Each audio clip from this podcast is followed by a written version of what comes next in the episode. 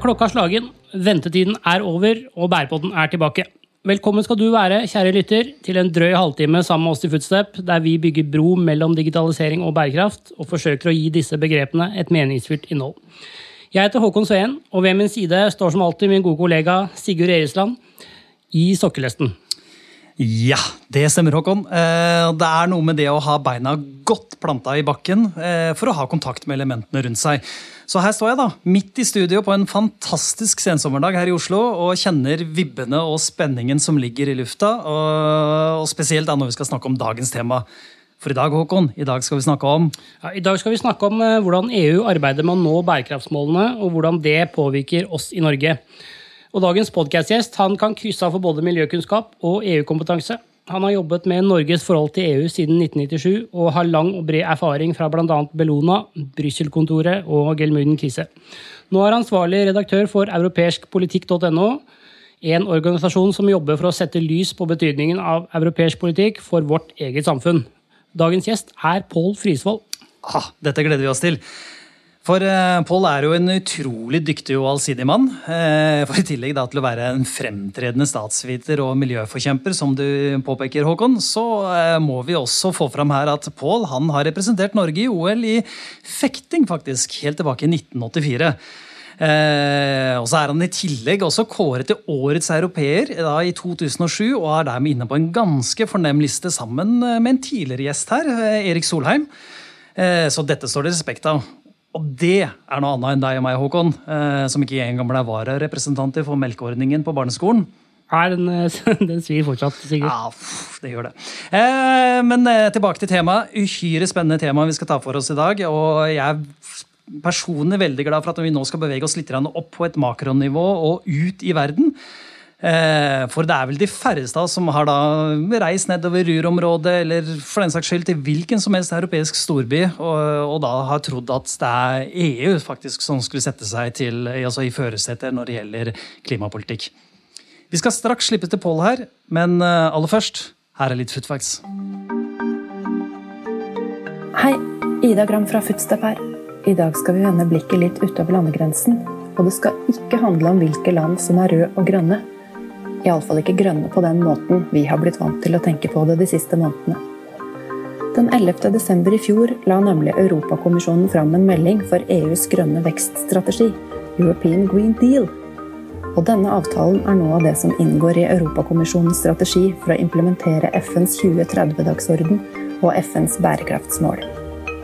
EUs mål om klimanøytralitet i 2050 gir retning for meldingen. Målet er mer bærekraftig og sirkulær økonomisk utvikling med mindre forurensing og lavere klimagassutslipp. I tillegg kommer det sosiale bærekraftsaspektet, hvor det skal jobbes for bedre helse, økt livskvalitet og nye arbeidsplasser. Både næringsliv, lokalsamfunn og regioner må bidra, i tillegg til sivilsamfunn og den enkelte innbygger. For å sikre finansiering og støtte til omstillingen har hun bl.a. etablert et nytt fond for rettferdig omstilling, det såkalte Just Transition Fund. Dette skal særlig være til hjelp for land som Polen og Tsjekkia, hvor økonomien er svært avhengig av forurensende industri. Men vi kommer ikke unna koronaeffekten denne gangen heller. På EUs toppmøte i juli ble de foreslåtte 40 milliarder euro til et slikt fond kuttet til 17,5 milliarder, som et forhandlingskort i arbeidet med å bli enige om EUs koronapakke på 750 milliarder euro. De som ville kutte, er de som av Financial Times betegnes som The Frugal Alliance of Austria, Denmark, the Netherlands and Sweden. De rike EU-landene mot de fattige, altså. Hva som blir enden på dette, vet vi ikke. Men det går rett i kjernen på det kommisjonen adresserte da avtalen ble lagt fram. Nemlig at hun på et tidspunkt må finne kompromisser mellom økonomiske, miljømessige og sosiale målsettinger. Og for å vende snuten litt innover igjen hvordan vil Norge bli berørt av European Green Deal? Hva må vi gjøre? Hva bør vi gjøre? Og hva kan vi gjøre? Noen svar får vi forhåpentligvis av dagens podkastgjest, som har jobbet med EU og EUs klimapolitikk siden 1997. Tusen takk til vår egen analyseekspert og gode footstep-kollega Ida Gram.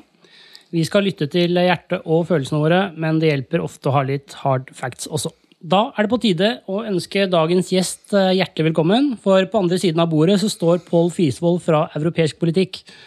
Hjertelig velkommen til Bærepodden, Pål. Tusen takk skal du ha. For noen er du kanskje mest kjent som tidligere leder av Europabevegelsen og for ditt arbeid i Bellona. Men for de som ikke kjenner deg så godt, hvem er eh, Pål Frisvold? Ja, Nei, jeg er vel det, det vi vil kalle i dag født og oppblåst i Bærum. Bortsett fra at uh, på den tiden da jeg vokste opp der, så var vi ikke så fryktelig rike i 60- og 70-årene. hvor uh, jeg husker jeg gikk første skoledag med mine brors uh, Dockside, som jeg hadde arvet av han, med hull på tuppen. Så det var annen, et annet klima, men det var nok litt konformt for meg.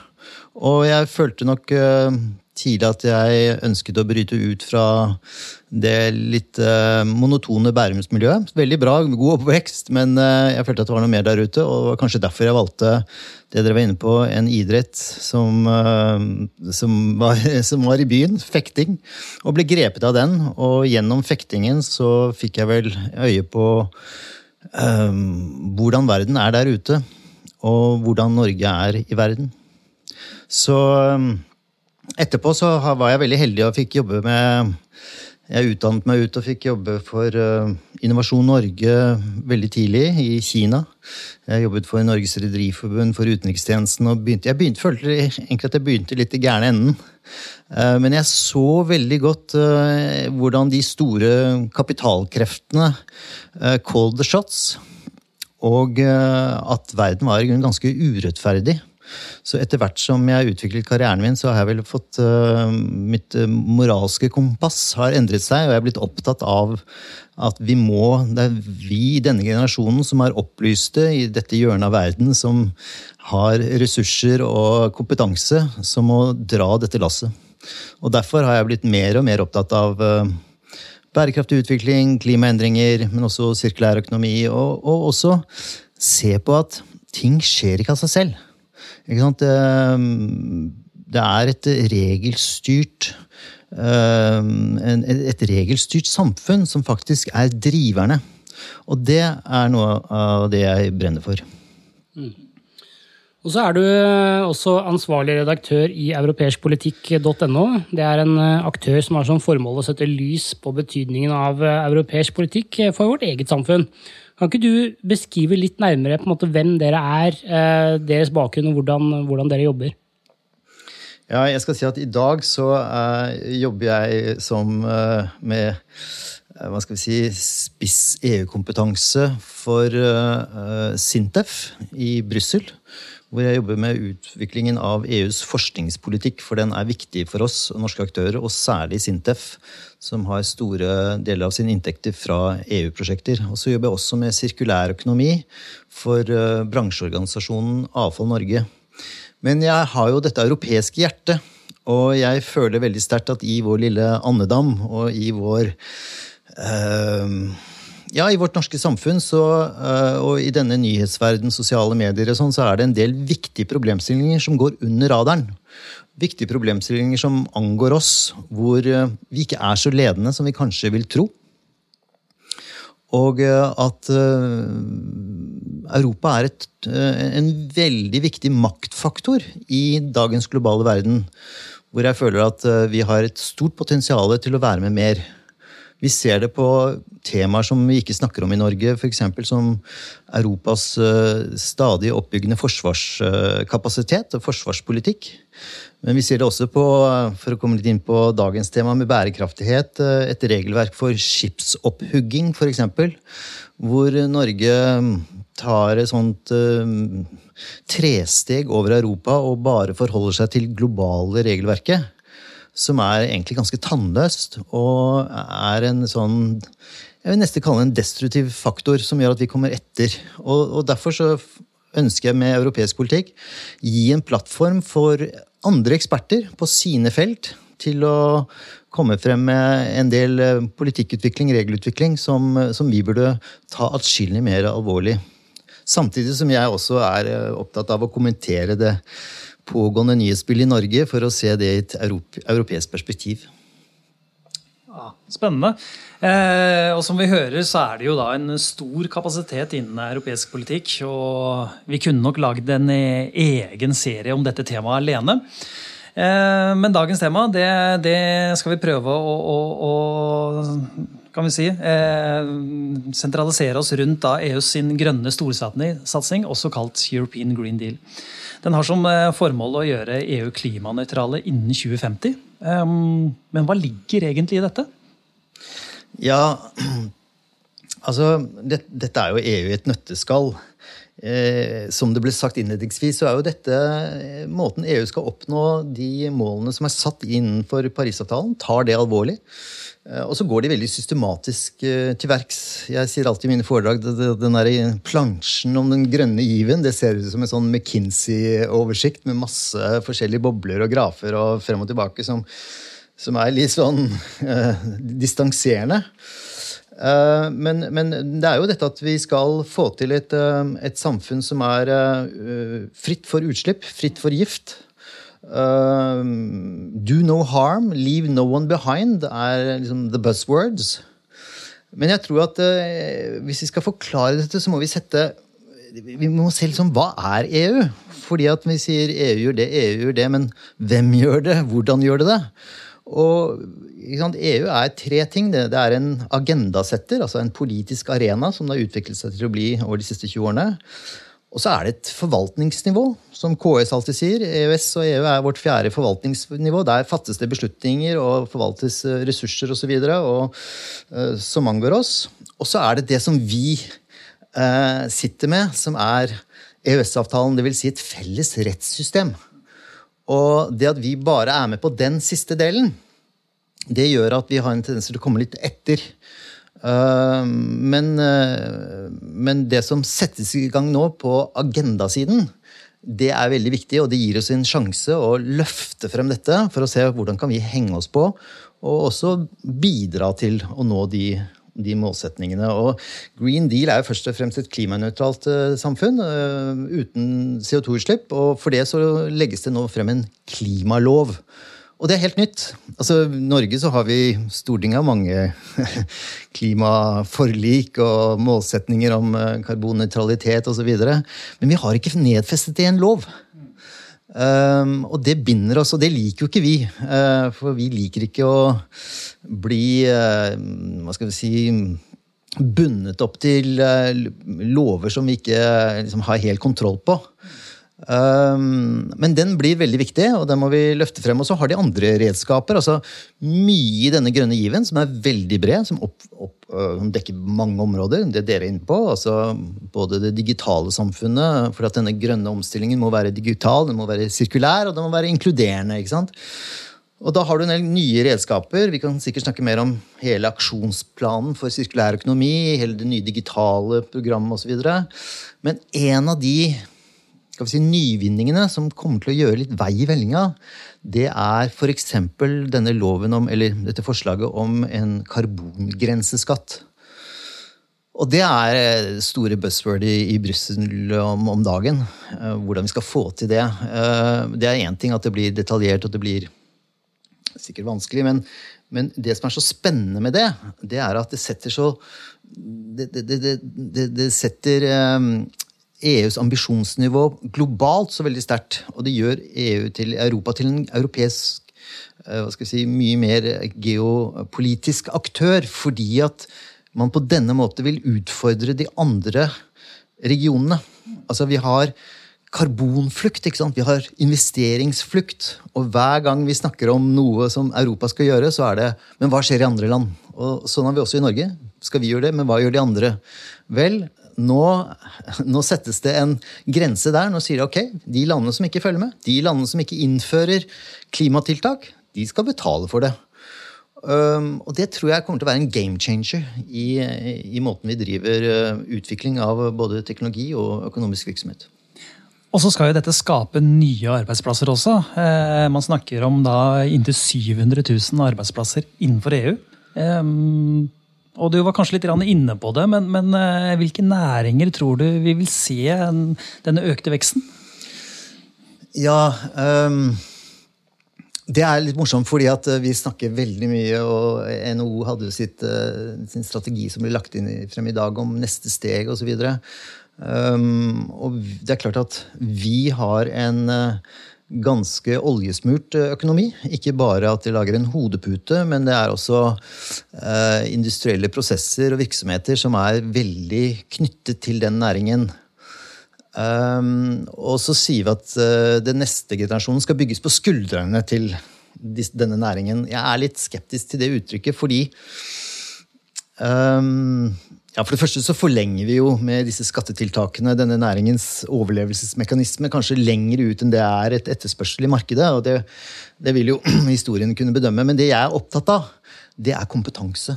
Det er ressurser. Uh, fordi at uh, bare, bare se til våre naboland uh, som ikke har olje. Sverige, Finland, Danmark. De har andre komparative fortrinn. Det har de.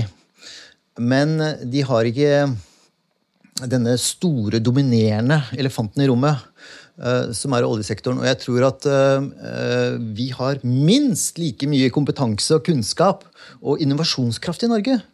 Men vi slipper ikke til. Fordi at det er enklere å ha det sugerøret i den, uh, i den oljebransjen. Sverige har fem unicorns. altså Det er selskaper som har tjent fem milliarder euro på fem år. Norge har ingen.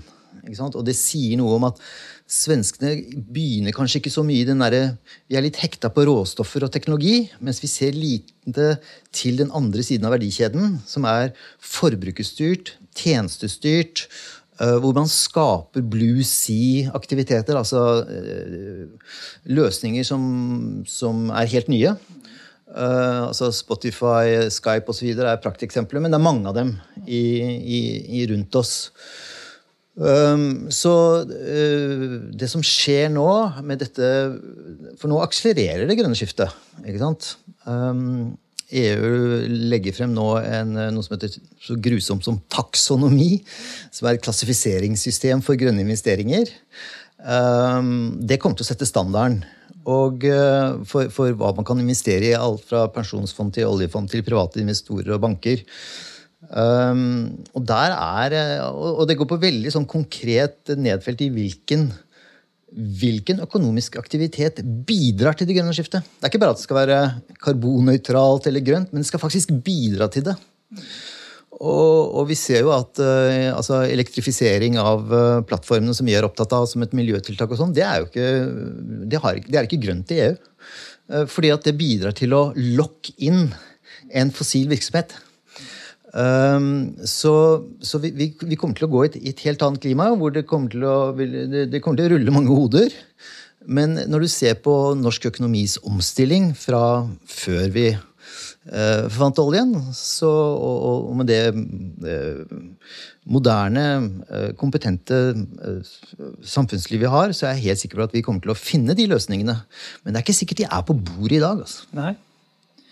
Men uh, har du noen uh, konkrete tiltak som du, du, tenker at det norske næringsliv bør, bør se på? Ja, uh, hvis vi tar utgangspunkt i den grønne given, da, så, så ser vi f.eks. Som jeg sa, at omstillingen må være sirkulær og digital. Og allerede der så ligger det enorme muligheter. Sirkulærøkonomien vil jo Altså det er på en måte grenseløst uh, hva man kan finne av sirkulære verdikjeder som vi ikke har uh, funnet i dag. Uh, vi har noen på bygg, på noen råmaterialer. men det vi må, vi må, gjøre, er at vi må tenke litt større. Fordi at skal vi leve av dette her vi er, vi er, så opptatt av hva skal vi leve av oljen. Jeg pleier alltid å si hva skal vi leve av hva skal vi leve av når oljen aldri tar slutt? Det er jo det som er vår problemstilling, for den tar jo aldri slutt. Um, og da er det noen aktivister, noen gründere, noen veldig innovative teknologiområder som er flinke. Men i vår uh, lille økonomi på global basis, selv om den er veldig åpen, så må vi sette i gang mekanismer som kan oppskalere dem. Som kan gjøre de til uh, globale vinnere. Og Det tror jeg er eh, den veien vi må se. Mm. Der har kanskje Danmark og Sverige kommet lenger? Ærlig. Ja, altså eh, denne Menon-rapporten som mange har snakket om i de siste, som ble lansert var det vel i forrige uke, som viser at uh, vår fastlandseksport, uh, altså eksport fra vår fastlandsnæring, den er sterkt synkende. Mens våre naboland er den sterkt økende. Og det betyr at, at vi har et virkemiddelapparat som vi må ha på plass. Som må sette mye større krav til konkrete mål og måloppfølgelser og sanksjoner. Og vi må liksom endre hele Eh, virkemiddelapparatet, eh, som er i dag veldig opptatt av våre tradisjonelle altså CCS er på alles lepper, men CCS eh, Det er ikke sikkert det kan bli så stort. Det kan, det kan bli stort på, innenfor visse sektorer, men det er så forferdelig mange andre områder hvor vårt virkemiddelsapparat ikke er på høyde med det vi har skapt for oppdrett, olje, gass osv. Så, videre. så jeg tror vi må, vi må være Vi må se bredere på det. Hvilke næringer tror du er på vei ut som følge av det grønne skiftet, og hvilke bransjer bør begynne eh, for alvor å tenke omstilling? Ja, jeg har vel vært litt inne på det. Um, å si at vi skal fase ut olje- og gassnæringen i Norge, er som å banne i kjerka, så jeg skal ikke si det. Men um, jeg må si at jeg, jeg har aktivert meg litt i, i Miljøpartiet De Grønne nettopp fordi at jeg syns at de er en virkelig drivkraft i å ture å sette de vanskelige spørsmålene på den politiske agendaen. Um, fordi at vi har i Norge en veldig stor nasjonal konsensus. Altså vi, er, vi er veldig kooperatistisk, vi har store uh, tre, store trepartsarbeid som har veldig stor økonomisk eh, innflytelse. Vi har Høyre og Arbeiderpartiet som har styrt Norge siden etterkrigstiden med egentlig veldig mye sånn svingdør inn til de store næringene. Eh, så, så, noen må ture å sette fingeren på det som virkelig er det vanskelige. Og som jeg sier, så, så må denne, denne oppstillingen det må skje både ovenifra og unnifra. Um, og um, igjen så er det uh, trekke på våre uh, fortrinn, som kanskje ikke bare er uh, så ressursbasert, men som er mange gode, kloke hoder. og da, da, er, da, er, det farlig å begynne å peke ut noen sånne konkrete næringer.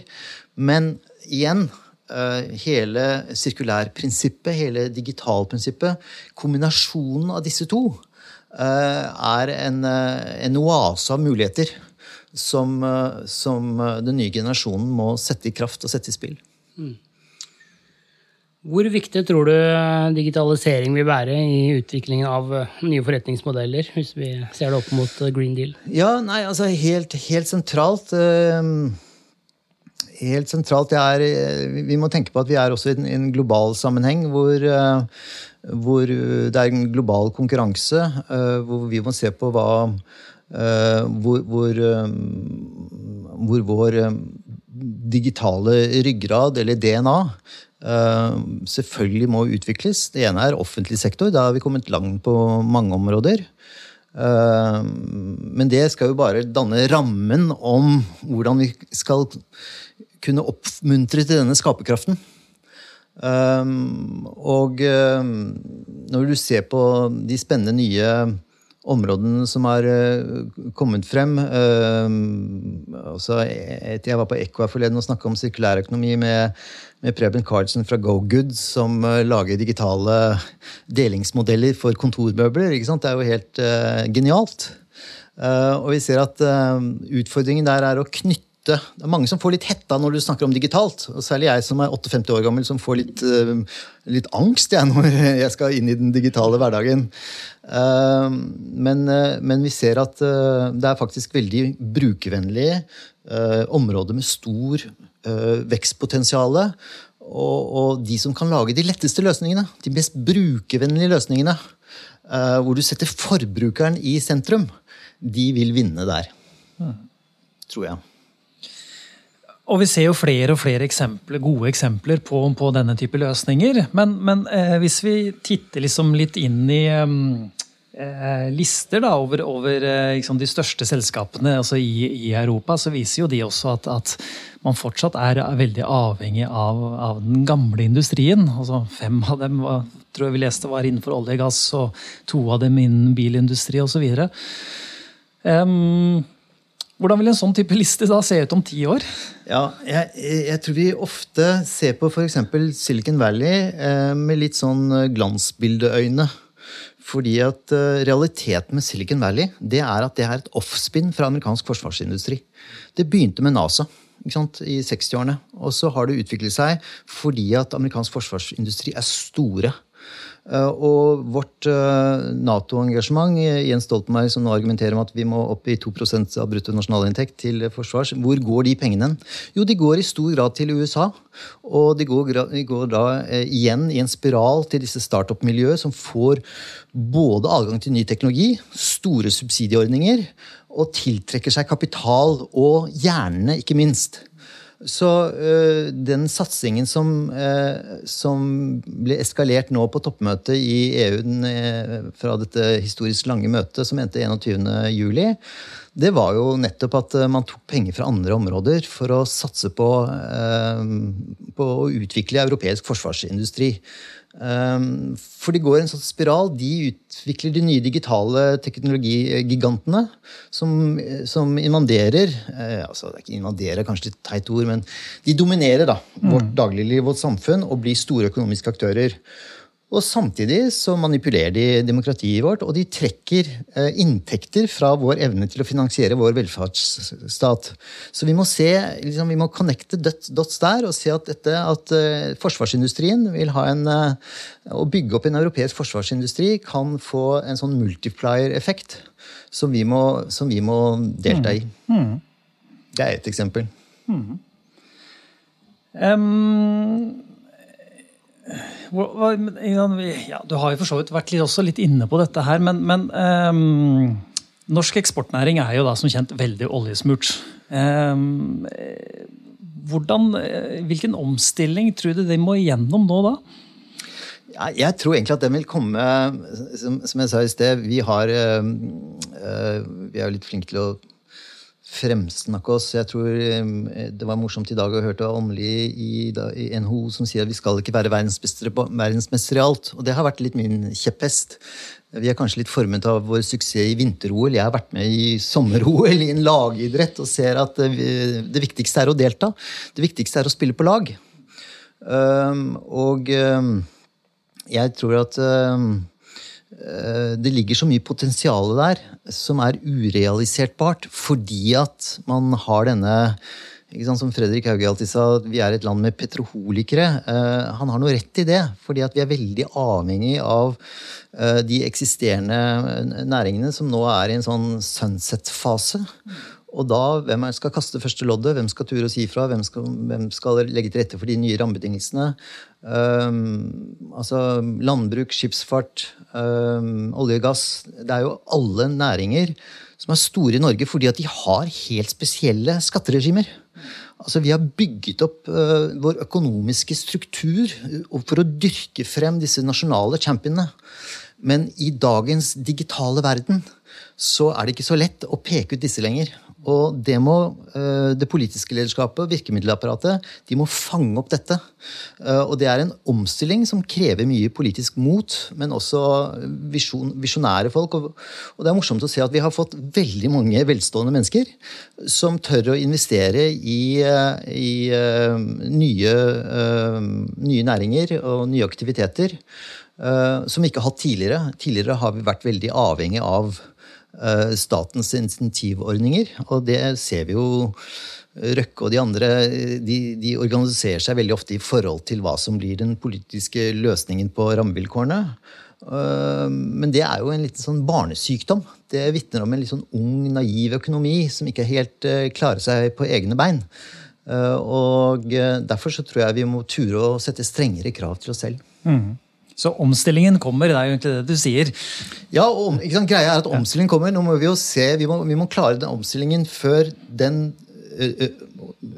rår over oss. Ja, ja. Vi, vi, må ikke gå på en hard landing. Hvordan får vi til en soft landing? Ja. Uh, og det blir vår, vårt samfunns store utfordring.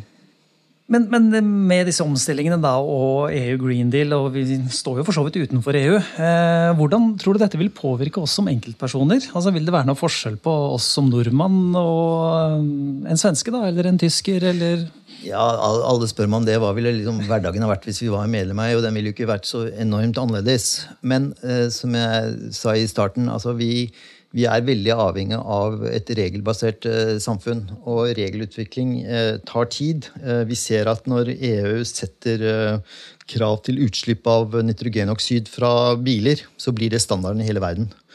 Um, og i denne EØS-tilværelsen, eller EØS-avtale Eh, verden som vi er i, så har vi et, et stort behov for å, uh, for å følge bedre med i hva som blir den regelutviklingen. Vi ser det nå på programsamarbeidet, f.eks. På møtet nå så bladde jo EU litt om da, i samarbeidsformen ved at de skulle ta opp et eget lån på det internasjonale finansmarkedet på 750 milliarder euro. Og så skal det brukes, fordeles til medlemslandene. Eh, som en slags sånn Marshall-hjelp. Vår tid Marshall-hjelp. Og hva ser vi i Norge reaksjonen? Norges reaksjon? Ingenting. Nei, vi har EØS, og vi bare vi slipper å gjøre det.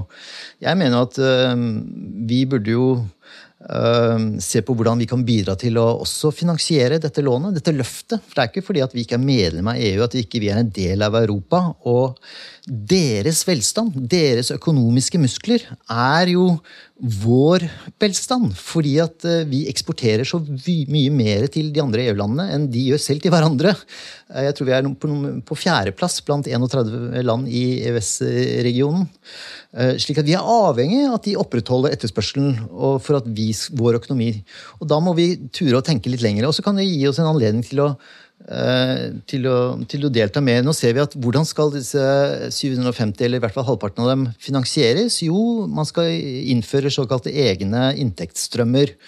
Veldig interessant. Eh, karbongrenseskatten nevnte jeg. Den må vi jo helt klart være med på, ellers, vi, et, ellers blir det en veldig stor konkurranseskjevhet. Men det andre er f.eks. plastskatten. altså plast på ikke-gjenvinnbart uh, gjenvunnet plast, emballasjeplast. Uh, det blir en, en, nyvinning som kommer til å skape en del strukturelle endringer i måten uh, produktmarkedet fungerer på. Og hvis ikke vi deltar i den, hvis vi bare sier at nei, skatt og avgift er utenfor EØS, og det trenger vi tenke på, som, som vi ser at regjeringen gjør, da, så mister vi kanskje en av de økonomiske driverne som, eh, som, er veldig interessante, som kan sette uh, fart i en del nye, nye virksomheter. Uh, så det er interessant. Og hele altså, det tredje inntektskilden er jo disse utslippskvotene. da, som skal, Man skal utvide uh, dette kvotehandelssystemet til å omfatte maritim virksomhet f.eks. Da er jo Norge strittet imot i alle år. Det skal vi i hvert fall ikke være med på, for det må jo være globalt. For skip kan ikke ha forskjellige avgiftsregimer i hvilken havn de er, kommer i osv. Og vi ser jo at FN-systemet er jo eh, totalt paralysert. Altså IMO ledes av eh, land som har åpne registre, så der er det Panama, Russland og uh, Liberia som cold shots. Uh, og, og, og, det hviler jo da norsk maritim næring på. Vi, jo, vi, ligger langt fremme på hydrogen, vi ligger langt fremme på naturgass. Vi ligger langt fremme i forskning på selvkjørte fartøy osv. Hvor den digitale dimensjonen er jo helt uh, sant, i sentrum. Eh, men hvis vi da skal eh, kunne bare fortsette med at eh, skipsfarten ikke skal betale for utslippene, så skal jeg love deg en ting, at det kommer ikke til å sette i gang noen sånn stordriftsfordeler, altså stordriftsvirksomhet for lavskipsfartsnæringen. Vi kommer til å fortsette med offentlig subsidierte forskningsprosjekter på ett skip her og ett skip der, og Enova betaler for noen ferger rundt om i landet. Men det vi ser på, at dette er jo et globalt race. Uh, og, og, måten vi kan oppskalere dette på, det er å få helt klare rammebetingelser som setter krav til oss. Men det krever politisk lederskap, og det er vel kanskje der EU har den store eh, fordelen. ikke sant? At eh, ja, EU er fjernt, EU er langt borte, EU er i Brussel. Men disse landene, når de kommer sammen, så får de en selvtillit på at måten å komme ut av dette, det er å sette krav til hverandre. Og det er inget enkeltland som vil gi seg selv den smerten at vi skal stille så harde krav til enkeltsektorer. Men når det gjøres på europeisk plan, ehm, så, så, ehm, så, gir det eh, en helt ny horisont og en mye mer rettferdig, men også ambisiøs målsetting. målsetning. Veldig interessante refleksjoner på. Eh, selv om EU for øyeblikket har, en, har, betydelig markedsmakt, så er det andre områder av verden som ofte strekkes frem når det snakkes om fremadstormende økonomier. Tror du EU eh, e sin grønne omstilling vil adopteres også i andre deler av verden? Ja, altså jeg, jeg, jeg, I dagens verden med, med et Trump-dominert Kina som er eh, mindre og mindre forutsigbart og ja det skjer selvfølgelig mye bra i USA, men vi ser jo det har en, en påvirkning på det globale samarbeidet, Parisavtalen. Du ser det innen covid-19, du ser det på veldig mange andre områder. Eh, vi har et Kina som har en helt annen stats... Hva skal vi si og som bruker virkemidler som vi ikke ønsker å være oss eh, kjent med. Eh, men det betyr også at de har økonomiske muskler, og at de har på en måte balletaket på oss. Eh, fordi at vi er så innmari avhengig av deres marked. Og der er jeg litt tilbake til den geopolitiske rollen som nå Ursula von der Leyen er opptatt av. At vi skal Ja, vi skal sette kursen, men vi skal også ture å stå for det. Og vi skal også sette krav eh, til de andre. Og dermed så blir eh, EU-lokomotivet, og jeg bruker ordet lokomotivet for det går litt sånn Det er ikke elektrisk, elektrisk ennå. Det går litt sakte. Eh, men når først EU kommer på ballen, kommer videre, og hvor vi ser også en av altså, Grønn giv er jo en serie med strategier. Vi har vært inne på digital og sirkulær økonomi, men det kommer også på offshore vind, og det kommer også på sektorintegrering, utfasing av fossil gass osv. Um, og det vi ser at uh, det som EU er opptatt av, det er det vi kaller for reshoring. Altså å bringe disse arbeidsplassene tilbake. Uh, Trump sier uh, 'make America great again'. Uh, Gudskjelov har Europa litt mer sofistikert strategi og, og, og, retorikk. Men det går mye på de samme tingene. Og det, de, de går på å gjøre det på en måte som, som setter Europa først. Eh, og som gir oss anledning til å bruke dette indre markedet med 500 millioner eh, mennesker til å eh, sette i gang markeder og økonomisk vekst skrudd sammen på den riktige måten, slik at vi selv bærer fruktene av dette. Altså, vi har vært veldig WTO, Verdens handelsorganisasjon, orientert. verden gikk vel inn på et veddemål med Kina i 2001, og vi tok opp Kina og sa at uh, nå må vi gi dem økonomisk vekst, og da vil demokratiske rettigheter falle på plass etter hvert, som Deng Xiaoping sa. Uh, men det har ikke skjedd. Og, og, så har jo også med USA og konflikten med Kina gjort at WTO har blitt paralysert. Vi har ikke fått til disse handelsrundene lenger. Og vi ser at globalisering på basis av WTO har skapt mange tapere. Eh, gule vester, eh, brexit eh, altså Vi har bomringeopprør i Norge, men det er noen av de samme konfliktene mellom de urbane, avanserte, teknologiorienterte miljøene og distriktene. Slik at den tidligere formen for globalisering, den tror jeg nok er nærmer seg døden. Og vi ser en stadig større fokus på regionalisering. Og da er Europa størst. Altså, det, er, det, har flest mennesker, bortsett fra Kina, da, kombinert med den største uh, etterspørselen. Og, og, derfor så er det som skjer i Europa, usannsynlig uh, viktig for resten av verden også så er jo vi i Norge da ofte veldig stolte av vår eh, egen evne til avfallshåndtering, eh, på fornybar energi og det hele tatt fokus på å skape klimavennlige løsninger og bærekraftig industri. Men, men, men, er vi egentlig så veldig flinke, hvis vi ser det i europeisk sammenheng?